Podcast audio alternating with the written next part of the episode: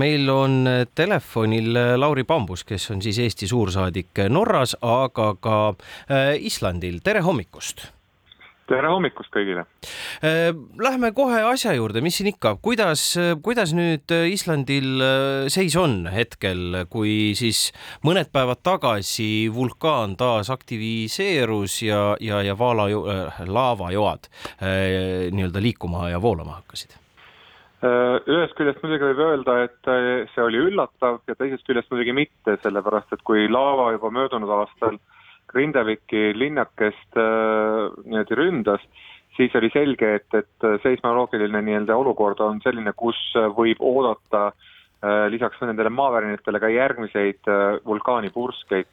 nii et seda vulkaanipurset oodati, aga noh, kunagi ju ei tea looduses, et millal ta täpselt tuleb nii et äh, kui eelmisel aastal see külake või linnake, tegelikult me räägime ikkagi asulast, mis on umbes neljale tuhandele inimesele oma koduks olnud, äh, evakueeriti, siis peale jõulupühi lubati tagasi inimesi, et noh, kes, kes soovivad nagu minna pühi tähistama. ja vahetult enne nüüd siis pühapäeva varahommikust vulkaanipurset inimesed, need, kes seal mõned sajad olid siis otsustanud Grindaviki tagasi kolida, olid jälle tagasi evakueeritud äh, teistesse linnad, linnadesse, küladesse, nii et et hetkel muidugi me teame, et äh, laava jõudiski linnani ja, ja kolm majapidamist äh, hävisid. aga, aga noh, kuna me teame, et see magma ikkagi seal maa all veel liigub edasi, siis kahtlemata võib neid vulkaanipurskeid ja, ja laava liikumist linnale veelgi oodata nii et olukord on muidugi äh, väga, väga kurb ja masendav, eriti nende jaoks, äh, kelle jaoks on Grindavik olnud kodu ja seal on väga palju uusi maju ehitatud ja, ja, ja loomulikult on sellest äh, väga suur kahju. ja sellest räägitakse nüüd kõikides meediakanalites Islandil, et see on põhi, põhiuudis. Neid kaadreid, kuidas äh see nii-öelda tuld purskab maa seest välja, magma voolab ja need majad ja kodud hävinevad, need on ühelt, ühelt poolt kohutavalt traagilised, aga samas need kaadrid, mis on sellest üles võetud, on ju tegelikult väga ilusad. see, noh, selline kummastavad äh, tunded tekivad. minu küsimus on see, et kas selles külas äh, teile teadaolevalt ka mõned äh, eestlased võisid elada? eestlaseid on tegelikult üle Islandi hinnanguliselt kahesaja kanti et äh, meile teada keegi eestlastest pole kannatada saanud ja tegelikult pole üldse äh, peale ühe töölise, kes möödunud neljapäeval kukkus äh, ühte siis nendesse lõhedesse, seal kahjuks hukkus, keegi kannatada saanud. nii et tegelikult räägitakse ka sellest, et kuna Islandil on kõik väga lähedalt seotud üksteisega, et kindlasti kellegi tuttav, kellegi sugulane selles neljatuhandelises äh, alevikus linnakeses äh, elas. nii et äh, loomulikult praegugi ütles Grindaviki linnapea, kes möödunud aastal valiti ka aasta inimeseks kohaliku nii-öelda meedia poolt ja, ja raadiokanalite poolt, et et islandlased ja Grindaviku elanikud ennekõike mitte pole lihtsalt paindunud, vaid on suisa murdunud sellest olukorrast ja, ja noh, millal nüüd inimesed tagasi saavad ja kas üldse saavad sinna linna, on ka küsimus,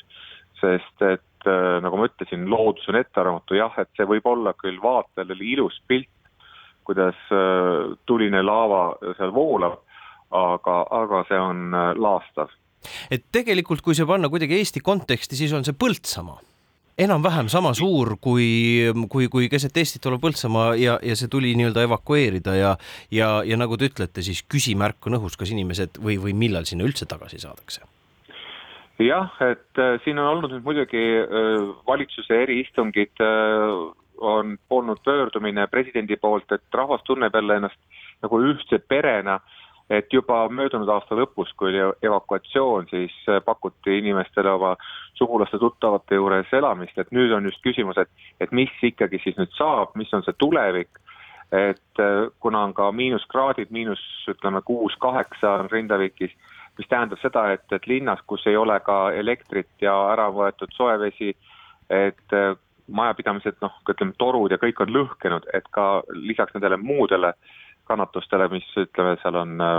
teed on üles paisunud, suured lõhed on tekkinud, juba nimetatud laavakahjustused majapidamistele, et tegelikult jah, et mis sellest linnast üldse saab, sest tegemist on tegelikult ütleme, suure asumiga, et kui kogu elanikkond on nelisada tuhat ja neli tuhat on ühes linnas, siis tegelikult noh, ütleme kogu riigi mõistes on tegemist ikkagi päris märkimisväärse Äh, kohaga. kui te ise olete Oslos, kui, kui palju äh, Oslos räägitakse sellest, mis Islandil toimub või, või kui, kui palju seal nii-öelda puudet on?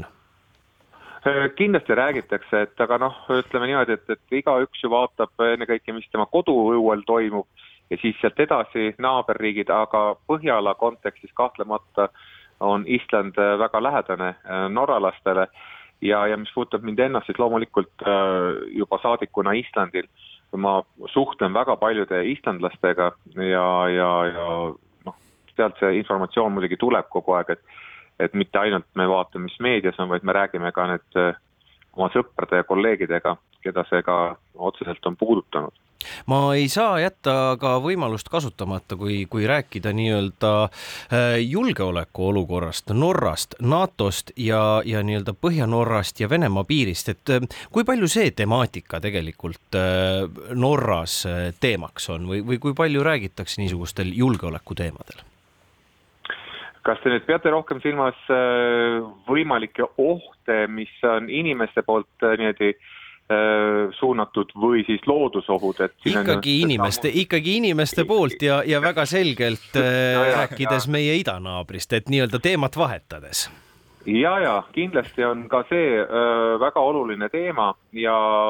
ütleme, see ongi teema praegu, mis ka Norras on, on väga aktuaalne, et jälgitakse väga pingsalt, mis toimub öö, meie ühise öö, naabri juures, millised on need plaanid ja, ja väljaütlemised Äh, seoses rünnakute intensiivistumisega Ukrainale ja, ja millised võivad olla ohud äh, ka äh, NATO-le. aga siin ma võin öelda, et muidugi NATO on olnud väga ühtne ja meie nii-öelda kaitse ja julgeolekuplaanid nii ühiselt regioonina kui ka NATO-s on, on olnud vankumatud. aga loomulikult kui loodus on ettearvamatu, siis me püüame ette arvata, mida teeb meie naaber. ja, ja kui, kui mõelda veel nii-öelda selle peale, et millised on olnud äh, nii-öelda Ukraina toet- või kes on olnud Ukraina toetajad Euroopas, NATO-s äh, ja, ja laiemalt, siis Norra kindlasti äh, on üks neist, kes on seal no nii-öelda e-, esikohal või, või kindlasti paistab väga silma just, et äh, nii Norra kui ka meie ise muidugi Eesti, Läti, Leedu äh, ja eile mul oli just kohtumine ka oma Põhjala-Balti kolleegidega ja me just leidsime, et, et me kõik riigid on panustanud ja on olnud valmis edasigi panustama Ukraina äh, nii julgeoleku kui ka tulevikus tsiviil- ja ülesehitustöödesse. nii et kahtlemata me kõik oleme äh, olnud eeskujuks ja me loodame, et, et ka teised siis meie liitlaste partnerid äh, Ukrainat ka edasi toetavad. nii et just rääkisime, et mingit väsimust selles, et, et Ukrainat võiks juba nüüd vähem toetada, ei ole. et me kõik oleme kuni ikkagi võiduka lõpuni koos ukrainlastega. aeg on selline, et kõik riigid, kelle piir puudutab kuidagiviisi Venemaad, arutavad selle üle, et mida selle piiriga ette võtta. Soome sulges täielikult piiri, Eestis äh, käib veel Narva kaudu siis ühistranspordiga mm, läbisõit. Äh, samuti ka lõuna pool on ühendused Venemaaga, Venemaa ja Euroopa vahel olemas. ka Norral on piir Venemaaga kaug-, kõrgel põhjas. kui palju räägitakse mm -hmm. sellest, et mida selle piiriga ette võtta, et kui palju sealt ja keda siis läbi lasta? Samuti on väga aktuaalne teema, sellepärast et äh, me just jälgime siit ka, et mis toimub äh, Soome ja, ja Venemaa piiril.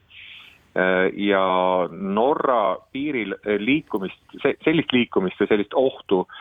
nagu me nüüd oleme kuulnud ja, ja ka näinud otseselt Soome-Vene piiril ja võib-olla ka meie piiri taga, Norras ei ole, et see on tõesti väga kõrgel kaugpõhjas aga me teame, mis toimus kahe tuhande viieteistkümnendal aastal, kui, kui Venemaa tekitas olukorra, kus tekkis väga palju äh, selliseid illegaalseid piiriületajaid, nii et Norra on kahtlemata valmis koheselt oma piiriületuspunkti sulgema,